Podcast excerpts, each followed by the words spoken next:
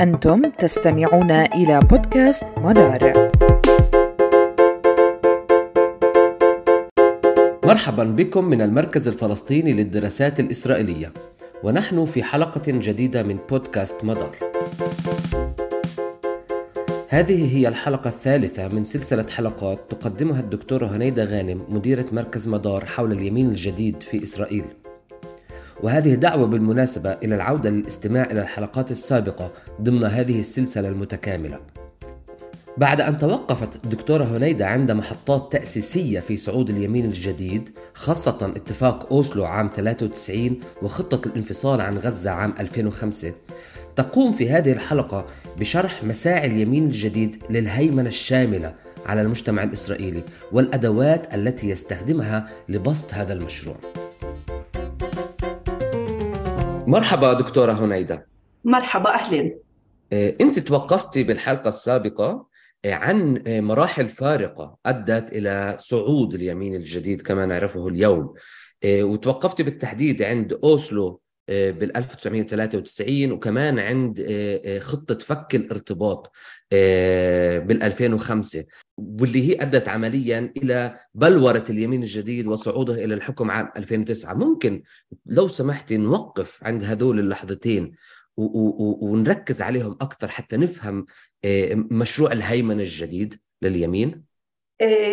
مرحبا. وليد إحنا حكينا في الحلقة اللي فاتت كنت بتذكر عمليا عن بداية خلخلة هيمنة الاشكنازيه المؤسسة أو ما سميناهن إحنا وقتها المؤسسين اللي هن بالأساس الأشكناز العلمانيين اللي غالبيتهم العظمى كانوا يعني ينتسبون إلى مباي والاشتراكية الصهيونية. وحكينا عن التغيرات الديموغرافية والجيو استراتيجيه اللي أدت لخلخلة هيمنة مباي. وفعليا كان إذا بنرجع شوي هيك للتاريخ بنلاقي إنه حكومة رابين الثانية اللي تشكلت في عام 1993 تشكل فعليا آخر مرحلة. لحكم أو خلينا نقول حكم وسيطرة الصهيونية المؤسسة الاشتراكية العلمانية. كيف ما حكينا عن عملية الصراع اللي دار حوالين أوسلو وانتهى باغتيال إسحاق رابين عمليا أغلق إلى لا يعني إلى لا رجعة عملية حكم الصهيونية الاشتراكية المؤسسة العلمانية ودفع نتيجة فشل أوسلو إلى الدفع قدما لصعود اليمين. ويمكن اللحظة اللي كانت كتير فارقة في هذا الموضوع هي الانتفاضة الثانية وإعلان أو حتى عشية الانتفاضة الثانية. إعلان إهود باراك إنه لا يوجد شريك فلسطيني. وبمعنى آخر هو تبنى بوصفه ممثل لليسار الصهيوني المؤسس. تبنى فعليا مقولة اليمين إنه اللي, اللي هي يروج لها دائما إنه لا يوجد حل مع الفلسطينيين وإنه الحل الوحيد هو القوة وإذا لم تنجح القوة فمزيد من القوة. فبالتالي هذا أدى دفع باتجاه فشل باراك في الانتخابات ومن ثم صعود شارون. اللحظة الثانية اللي هي جدا مهمة وأنا بفكر إنها هي اللحظة فارقة جدا جدا هي عمليا خطة فك الارتباط بال 2005 في ال 2005 وليد أو أو قبلها خلينا نقول إعلان شارون عن رغبته في إعادة موضع خلينا نقول إعادة نشر الجيش الإسرائيلي. ما بنحكي إحنا عن انسحاب من غزة إنما إعادة تنظيم الانسحاب بحيث إنه يخرجوا الإسرائيلية من داخل المدن ويكونوا حوالين الحدود من جهة. وتفكيك مستوطنتين صغار إذا أنا مش غلطانة في في في شمال الضفة الغربية في منطقة جنين.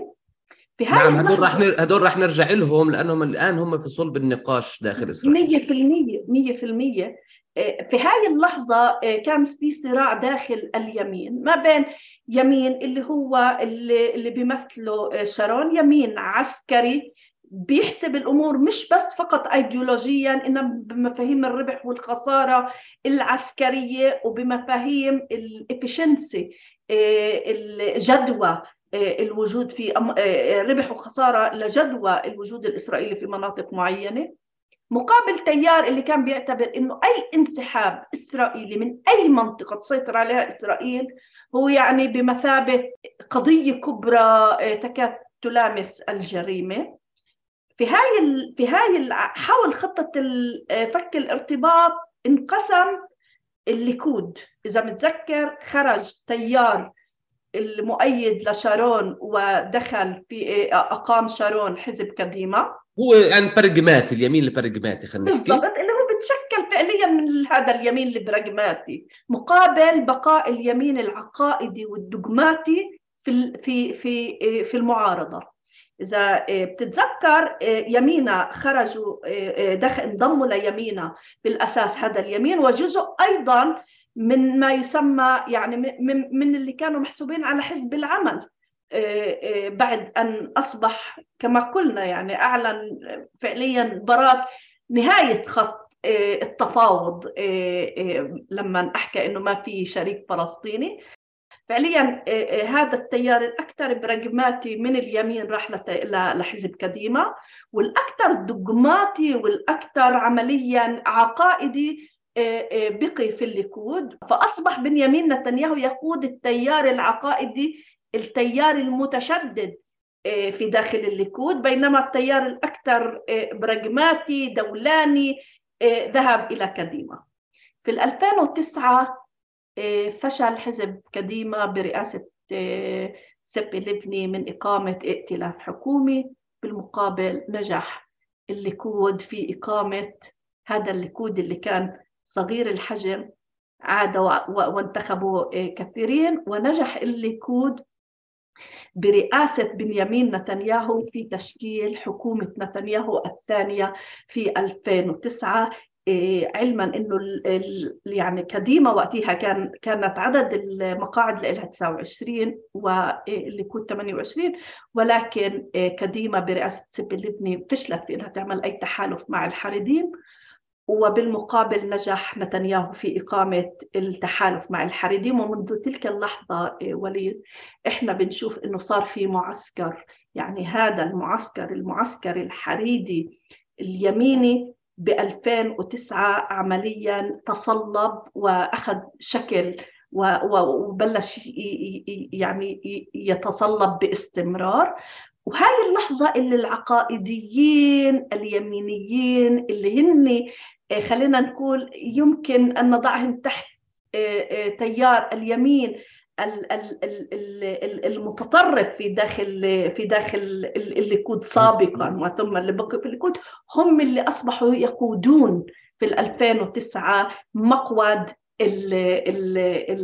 مفاصل الحكم. في 2009 يعني اللي ضلوا مع مع نتنياهو هم اللي أصبحوا في 2009 من يتزعمون ومن يقودون إلى جانب نتنياهو. هاي لحظة فارقة عمليا لأنها اللحظة اللي التيار المتطرف عمليا تجاوز وأنهى فكك تماما التيار البراغماتي في داخل الليكود وتحول الليكود تدريجيا باتجاه الشعبوية.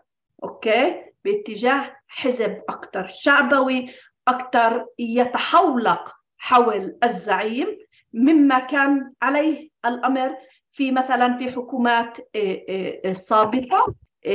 معسكر اليمين أصبح هو معسكر أكثر شعبوي ويميني. وقومي ومتحالف مع الحريدي ومتحالف مع الاستيطاني في معسكر واحد وبالمقابل خلينا نقول بقايا حزب العمل بقايا الصهيونية المؤسسة آه، الأشكنازية العلمانية حاولت أن تعيد ترتيب وضعها بحيث أنه تقيم أحزاب جديدة اللي هي تختلف عن حزب العمل التقليدي بما إنه أصبح حزب العمل كأنه مؤشر للتنازل كأنه مؤشر للضعف وإلى آخره. وإعادة تشكيل حالها من خلال أحزاب أكثر وسط وسط يمين حتى بشكل أو بآخر. وعلى رأسها لاحقا هو اقامه حزب يوجد مستقبل اللي هو بشكل أو بآخر إعادة إنتاج وتدوير للأشكنازية المؤسسة. طيب يعني إحنا هذه سياق تاريخي ربما إحنا كمان كتبنا عنه جدا وكمان نقدر إحنا نرجعه للانسحاب من يميت من سينا وصوله له واللحظة الفارقة اللي أنت تحدثت عنها كانت بال 2005 أنا هون اريد يعني بجوز أن نوقف عند هذه اللحظة الفارقة اللي من خلالها تم إعادة تصفيف المشهد السياسي الحزبي داخل إسرائيل حول اليمين الجديد وبدأ هذا اليمين الجديد يعزز من نفسه أكثر وأكثر. كيف بنقدر إحنا نفهم مسيرة صعوده هل هي فعلا مشروع هيمنة بناء هيمنة؟ هل هو مشروع تعميم وتدويل لهويته أفكاره ولا هو مجرد فقط وزن حزبي قادر إنه يشكل حكومة وهيك؟ بالتأكيد ما لا يمكن قراءة صعود اليمين الجديد وأقصى اليمين الجديد عمليا بمعزل عن كل الصيرورة التاريخية. صيرورة إنه الصهيونية المؤسسة الأولى عمليا يعني بشكل أو بآخر نجحت بإنها تقيم دولة إيه، على غرار التخيل اللي كان موجود سابقا دولة علمانية اشتراكية إلى حد بعيد إيه، أشكنازية غربية الطابع. إلى آخره تشبه إلى حد بعيد يعني خلينا نقول البيئة والسياق اللي تشكلت فيه الصهيونية اللي هو السياق الأوروبي وبالمناسبة سياق أوروبا الشرقية بالأساس. ولكن مش مهم المهم إنه عمليا من داخل هاي الصهيونية إذا بتطلع أنت اليوم مثلا على الأحزاب وعلى التيارات اللي تمسك بمقود الدولة هذا التيار انتهى دوره التاريخي خلص. أوكي؟ وبالمقابل بالمقابل يعني خلص بعد ما نجح إنه يحقق مشروعه وحققه بال 1948 بثمن النكبة الفلسطينية خلينا نكون كتير يعني واضحين مشان ما ما حدش يفكر إنه يعني في إحنا عم بنفاضل بين بين نوعين من الاستعمار ولكن إحنا بنتحدث عن الديناميات الداخلية. كل التيارات اللي كانت خارجة للصهيونية أو كانت على هامشها في ال 48 هي اللي كل الوقت تمددت وتوسعت وتصاعدت. اليوم اطلع على الخارطة الإسرائيلية السياسية بتلاقي إنه المؤسسين هم اللي موجودين في المعارضة اليوم بيقودوا كل عملية الاحتجاج ضد الحكومة حكومة نتنياهو. بالمقابل التيار اللي خلينا نقول أصلا اليمين هو كان تاريخيا موجود على هامش الهيمنه هيمنه حزب ماباي ويمكن بسوى إنه نذكر إنه بن غوريون لما سئل ببداية الخمسينات عن حدود المسموح والشرعي للائتلاف لإقامة الائتلافات الحكومية قال الحدود هي بدون حروت وبدون ماكي بدون حروت اللي هو عمليا الأب الروحي للليكود وقتها بزعامة بيجل. وماكي اللي هي الحزب الشيوعي. يعني كانت هاي حدود حدود الإجماع اللي هو مستعد داخلها إنه آه، آه، يعني يعمل كل الائتلافات إلى آخره. ولكن حيروت كانت بالهامش والحزب الشيوعي طبعا أيضا آه، بالهامش. اليوم تطلع أنت على المشهد ككل غير إنه حيروت لم تعد حيروت بمعنى هدول المؤسسين اللي يمكن إنه نسميهن آخرهن يمكن هذا جيل جيل حتى شارون اللي هو الأشكنازي إلى آخره هم أصبحوا الهامش. اليوم بنشوف إنه التيار المركزي هو حريديم اللي هن كانوا أصلا خارج الصهيونية ورافضين تماما للصهيونية بالمناسبة ولا وتم استرضائهم من أجل عدم الوقوف بوجه أو معارضة إقامة آه، قرار التقسيم تم استرضائهم من خلال ما يسمى مكتوب ستاتوس كفو الحريديم اذا هذا من جهة الشرقيين.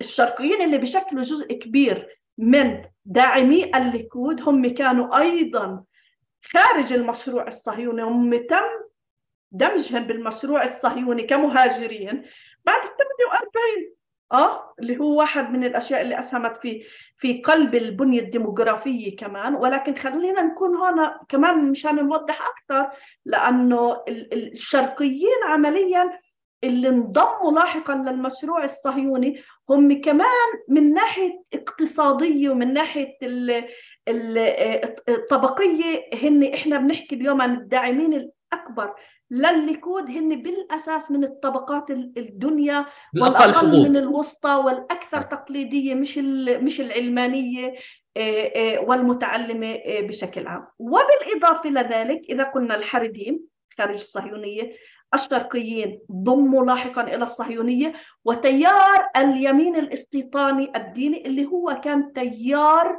قطاعي صغير في داخل الصهيونية ولكن بعد السبعة وستين توسع وزاد باستمرار وتحول لاحقا ليكون تيار مركزي في داخل إسرائيل تيار مركزي من حيث النشاط اللي بيكون فيه وليس فقط من ناحية ديموغرافية. لأنه هو اللي يقود كل المشروع الاستعماري الاستيطاني في داخل الضفة الغربية هاي التيارات هي التي تحولت اليوم إلى رأس الحربة في اليمين الجديد وإلى من تقود المشروع الصهيوني عشان هيك نعم. إحنا بنقول إنه مع اليمين الجديد دخلت الصهيونية في طور جديد مختلف عن الطور السابق طور نعم. يتميز إذا سمحت لي بتديين كما يعني تحدث عن ذلك عدد كبير من الباحثين بتديين مستمر للصهيونية و آه، هم بسموها صهينة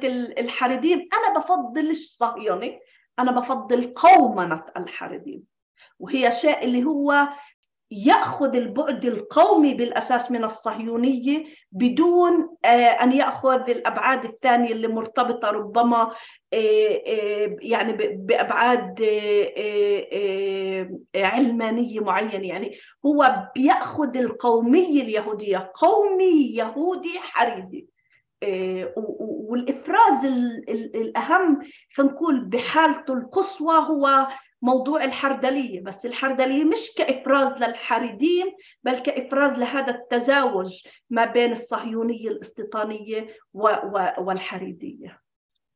طيب يعني أنا أذا بدي ألخص ال ال ال ال ال كل هذا الكلام حتى أنا أنقل النقاش لمساحة أعمق قليلا. إيه، أنا هون بذكر بكلام عالم الاجتماع الإسرائيلي باروخ كيمرلينج اللي حكى إنه تأسست دولة إسرائيل من خلال إجماع أو من خلال تحالف الاحوسليم والاحوسليم هي اختصار كان يعبر فيه عن العلماني الأشكنازي آه، آه، الاشتراكي الغربي. واليوم بنشوف إنه هذا الاحوسليم هذا التحالف تفكك وذهب إلى الهامش أو الأطراف وفي مقابله جاءوا اللا احوسليم بمعنى الشرقيين المتدينين الحاردين الصهيونية الدينية. ولكن هذا على ما يبدو مش فقط في الأحزاب. إحنا نتحدث كمان النخب المسيطرة اللي بتعطي طابع الدولة. موجودة في القضاء في الإعلام في الاقتصاد في المجتمع في المؤسسات إلى آخره. إيه، إيه، كيف اليمين الجديد بحاول إنه يمدد جذوره حتى يبني الدولة إسرائيل الجديدة اللي حكيتي عنها؟ هون في إشي كتير مثير وليد. إنه لأننا بنحكي عن شيء تاريخي وعن تغيرات تاريخية اللي صار. نتيجة خلينا نقول آه، آه، ما يسمى في إسرائيل آه، بوتقة الصهر. يعني بتعرف كونها مجتمع مهاجرين يتشكل من مجموعات جاية من من مجتمعات مختلفة تماما جاليات إيش من روسيا إيش من بولندا إيش من العراق إيش من المغرب إلى آخره. بوتقة الصهر انعملت على أساس إنه خلينا نقول زي بتحط كل هالشعب بمكسر وبتخلطه وبيطلع الإسرائيلي الجديد.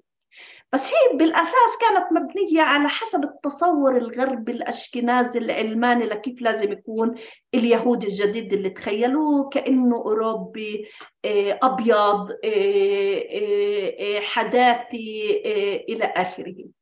بوتقة الصهر سمحت خلينا نقول إنه اليهود اللي من من من من هاي الهوامش إنه يدخلوا في في منظومة الدولة وإنه يترقوا خلينا نقول في في السلم الاجتماعي في مجالات معينة ولكن حافظت أو أو لم لم تعطي الأدوات اللازمة من أجل تدرجهم بأشياء ثانية فبنلاقي إنه الشرقيين والمتدينين القوميين قدروا إنه يتدرجوا بالأساس بالجيش أوكي؟ وخاصة أنا بحكي عن الشرقيين لأنه المتدينين القوميين شوي بيختلف الموضوع لأنه هن بالأساس أصلا حركة أشكنازية آه، بطابعها ولكن تدرجوا بالجيش. فأنت بتشوف إنه إلهن حضور وتدرجوا كثيرا بالسياسة.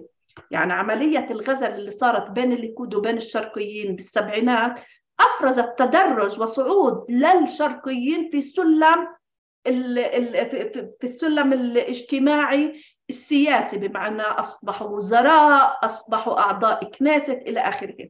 بالمقابل في هناك بعض المسارات اللي لم لم لم ينجحوا فيها بتسكير الفجوات مع مع المؤسسين الأشكناز. مثلا بالاكاديميا اليوم إذا أنت بتروح على الجامعات بتعمل هيك إحصاء عام آه، بتلاقي إنهم هم ما زالوا يشكلوا أقلية. إذا أنت بتروح على المعاقل هاي المركزية تبعت ال elite تبعت النخب مثلا الاقتصادية في مجال ال high-tech إذا أنت بتروح على حتى الثقافية وإذا أنت بتروح على على القضاء. نعم على القضاء. آه، آه، محكمة محكمة العليا. يعني من بين 11 آه، قاضي أظن في قاضي واحد شرقي. فأنت بتشوف إنه في نعم هم تدرجوا في أماكن معينة ولكن لم يتدرجوا في أماكن أخرى. وهذا بفسر ليش جزء كمان منهن ما زال يعني نتنياهو يستثمر كثيرا كثيرا كثيرا كثيرا في كل قضية موضوع الشرقيين من أجل تمرير خطة القضاء علما أنه هو هو اليمين حاكم من من يعني بشكل أو بآخر من 1977 هن موجودين بالحكم. يعني هن اللي بتح... يعني بدك تيجي بتحمل جزء كبير من المسؤولية. ولكن كأنه إعادة هيكلة القضاء كمان بيتم استثمار الموضوع الشرقي من أجل دغدغة المشاعر وتمرير هذه الأمور. فآه هن تدرجوا بس تدرجوا بمحلات. هن ما تدرجوا بال... بالهايتك وهذا لخصوا لخصوا آه، آه، تبع إم ترسو في الكتاب آه، تبعه. لماذا نصوت لليمين ونحصل على اليسار؟ لأنه اليسار ما يزال موجود في في في بعتقدوا إنه هو العميقة. في, في الدولة العميقة. ما زال إنه اليسار طبعا هي شوي هاي مركبة هاي القصة لأنه شو الدولة العميقة؟ إحنا ما بنعرفش الدولة العميقة منيح بالأجهزة الأمنية إلى آخره.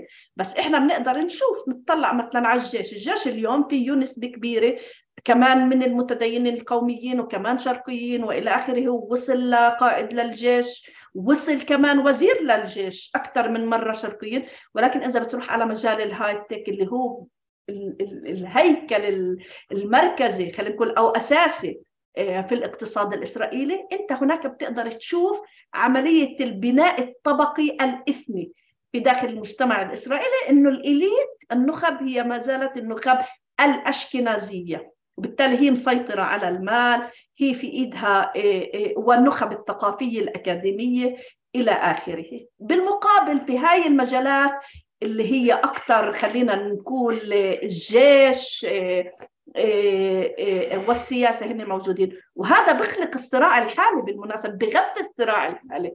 لأنه بياخذ هذا الصراع الحالي كمان هذا البعد الطبقي والإثني طب إحنا بنقدر في هذا السياق نحكي إيه، ما هو المشروع الجديد لليمين الجديد على صعيد الهوية؟ كيف بحاول اليمين الجديد يموضع حدود وتخوم هويته بشكل يقابل ويغاير عن الهوية السابقة اللي هي الأشكنزية العلمانية؟ ما هي سمات الهوية الجديدة؟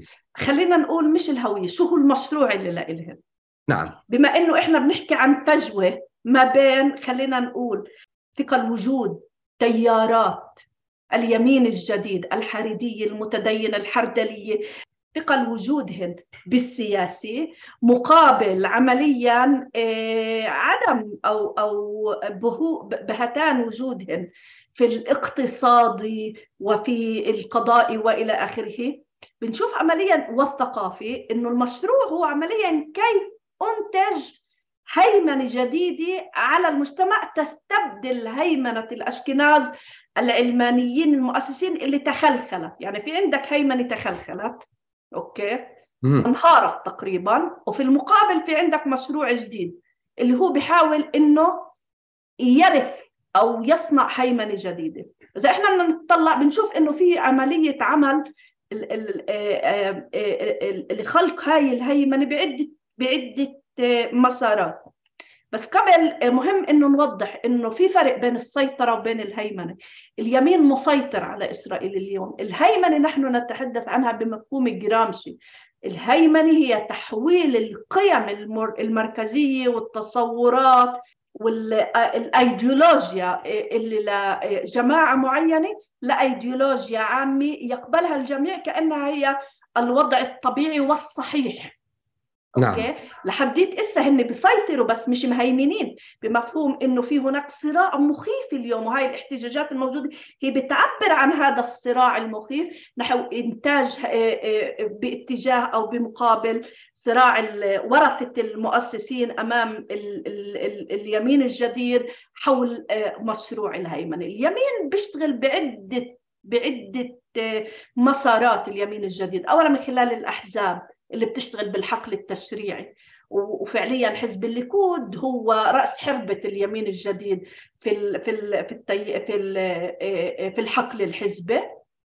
وكمان مرة بنشير إلى إنه هو حزب شعبوي تحول من حزب اللي كان ذا جذور ليبرالية علمانية لحزب يميني قومي محافظ وشعبوي. هو الشعبوية بتتأسس على الفكرة الأساسية إنه أنا بمثل الشعب والنخب هي نخب فاسدة هي نخب تحاول منعي من الحكم. أنا بمثل الشعب مقابل هاي النخب فهو دائما خطابه مبني عمليا النزع الشرعية لليسار للنخب الثقافية للنخب القضائية للإعلامية. صراع تحويل تحويل كلمة نخبة أصلا لنوع من المسبة إلى آخره بمقابل أنه هو يمثل الشعب والشعب هو النقاء والطهارة والمصلحة يعني الحقيقية اللي فيش في من وراها أي مصلحة شخصية إلى آخره.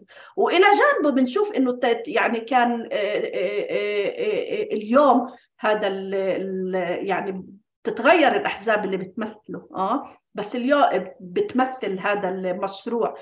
اليوم بنلاقي إنه كمان الكهنية اللي عصمة يهودية بن جفير الحردلية اللي هي كمان حكينا عنها اللي هو التيار أقصى اليمين في في في التيار الديني الاستيطاني القومي اللي بدمج بين الحردي المتزمت دينيا والقومي المتزمت قوميا وبالإضافة للاحزاب الحرديه اللي مرت عملية قومنة مستمرة إلى آخره. وبالإضافة لذلك العمل والأهم أنا برأيي وهن بنقطعوش عن بعض والعمل من خلال شبكة منظمات مجتمع مدني واسعة اللي هي تسمى مثلا في في مثلا أمل جمال بيحكي بيستخدم مصطلح في العلوم السياسية المجتمع المدني السيء اللي هو بشكل حاضنه اليمين الفكرية وخط إنتاج ثقافي للهيمنة الجديدة اللي يريد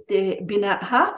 وهذا المجتمع المدني عمليا يمد بالقيم والأفكار والتبريرات الفلسفية والأكاديمية اليمين الجديد ويمكن من أهمها من أهمها واليوم كثير كثير بنسمع عنه هو منتدى forum كوهيلت اللي أقيم في عام 2012 بس مش بس يعني نعم. سبقوا معهد شاليم باللي أقيم بالعام 1994 في عندك معهد الاستراتيجية الصهيونية جامعة أريئيل وكمان إلهن كمان إلهن بالإعلام إسرائيل هيوم جريدة إسرائيل هيوم اللي أقيمت أصلا مشان تكون بوق لنتنياهو. ثم مقور ريشون ومجلة هشلوح والقناة 14 وموقع ميدا والى آخره. وأهمهن اليوم أهمهن كمان مرة هو forum كوهيلت اللي أعد منذ إقامته مئات الأوراق السياساتية اللي هي مثلا حول وظيفة مستشار الحكومة القضائي الح... الح... حول الحوكمة قانون القومية. والآن كل موضوع التصليح الإصلاح القضائي آه، آه، يتم نعم. آه، الحديث إلى دوره الأساسي في وضع القوانين. هذا ال forum مدعوم من رأس مال طبعا يهودي أمريكي ومحافظ بدعم بدعم كثير مهم. كان من داعمي ترامب. وهو عنده تصور نيو ليبرالي أوكي للاقتصاد وتصور قومي وتصور استيطاني. وهو بدعم هذه فورم كوهيلت. فورم كوهيلت بيعمل القوانين بحضرها بجهزها بتكون جاهزة وفي اللحظة المواتية بقدمها. هيك رافق قانون القومية وهكذا أيضا يعمل بكل القوانين المرتبطة يعني طبعا أنت ما بتحكي بس على تطلع أنت بتحكي كمان على مستوى الفكر أوكي؟ جمعيات تنتج القيم في كمان على المستوى العملي. جمعيات اللي الهدف اللي لها إنه آه، خلينا آه، آه، حراسة تخوم الجماعة وقيم الجماعة القومية. تحديد شو يعني مسموح وشو يعني ممنوع. مثلا أنت بتصنف أفعال وكتب خيانة تواطؤ. نعم. غيرها من من من المفاهيم. وأهمها كل ما جمعيات إم ترتسو NGO Monitor. وجمعيات اللي هي بتقدم الدفاع عن نشطاء اليمين اللي بيقوموا بأعمال آه، آه، مثلا جنائية يتهموا. مثلا حنون اللي كان بالمناسبة أحد النشطاء فيها هو ايتمار بن كبير. جمعية رقافيم اللي الهدف اللي لها تراقب وين في بناء فلسطيني في مناطق جيم وتشتغل على موضوع الاستيطان اللي كان من مقيمينها هو بيتسال اليس موتريتش. وهدول بيخلقوا خطاب اللي هو يعتبر كل يعني نزع شرعي كامل عن اليسار الإسرائيلي. من جهة وبالأساس كل المنظمات اللي بتشتغل ضد الاحتلال. أوكي؟ يعني بيت سالم إيه، حتى صندوق إسرائيل الجديد إلى آخره باتهامها إنها كاينة. حتى تحولت كلمة يساري في إسرائيل إلى نوع من يعني إلى وصمة. يعني حولوها إلى وصمة وبالتالي أنت بدك تبعد حالك عنها. بالمقابل بالمناسبة اللي صار إنه المعارضة تقبلت هذه الوصمة يعني تبنت هذه الوصمه وصارت تشتغل أصلا إنه تبعد حالها إنه أنا مش يساريه فبتلاقي إنه مثلا حزب زي آه، يشعتي يوجد مستقبل هذا اللي المفروض يكون بديل نتنياهو بيروح بيفتتح مثلا الحملة الإعلامية الانتخابية لإله من اريل من جامعة اريل كنوع من إنه إيش؟ كسب التأييد فيها وإلى آخره. طبعا في لك بعد اللي هو له علاقة بالتنظيمات والحركات العنيفه يعني في عندك شيء بيشتغل ثقافي في عندك شيء بيشتغل أكاديمي في عندك شيء بيشتغل نزع شرعية ومراقبة وملاحقة في شيء بيشتغل بشكل عنيف اللي هي مثلا كل كل جمعيات تدفيع الثمن. وهدول بيشتغلوا على بس خطاب الكراهية وإلى آخره. وهدول على الخط تعرف هدول موجودين بالمنطقة الرمادية لفاميليا إلى هذا إلى آخره. والأهم من كل هذا هو شبكة الممولين اللي بدم دعم مشاريع اليمين الجديد من حيتان رأس المال المحافظ الأمريكي اليهودي اللي بدعم اليمين المحافظ في الولايات المتحدة. أوكي؟ إيه، هدول بدعموا صناديق ومشاريع أجنداتها يمينية. أهمها طبعا في عندك صندوق تكبا هو صندوق يهودي أمريكي ذا رؤية يمينية محافظة. تلاقيه بتروح على صفحته هدفه دعم الصهيونية اقتصاد السوق الحر القيم المحافظة المحافظة إلى جانب حريات الفرد. وكمان آه، بدعم كل خلينا نقول فورم كوهيلت جمعيات اليمين اللي هي آه، موجودة آه، شيلدون أدلسون ميسكوفيتش وكل دعم الاستيطان في الضفة الغربية وبالذات في منطقة القدس إلى آخره. وهدول هذا عندك أنت شبكة شبكة بتشتغل بعدة مسارات اللي هي الهدف اللي لها في نهاية الأمر إنه أنت تخلق هيمنة شاملة على على الدولة ومفاصلها وقيمها. للترث الهيمنة الأشكنازية الأولى التي تخلخلت وانهارت تدريجيا بسبب التغيرات السوسيولوجية والديموغرافية والجيو استراتيجية اللي موجودة. إيه، أنا أنا برغبتي إنه نوقف هون لحد هون. هذه الحلقة كانت زخمة جدا وإحنا تحدثنا فيها عن مساعي اليمين الجديد لبناء مشروع مشروع هيمنه وربما لازم نوقف في الحلقة الرابعة والقادمة على أكثر على موضوع القيم. قيم. إيه، نعم. والمشروع السياسي. الذي يروج له الذي يسعى له اليمين الجديد. أنا لحد هون بحب أشكرك جدا دكتورة هنيدة غانم. شكرا جزيلا وليد. نلتقي في الحلقة القادمة.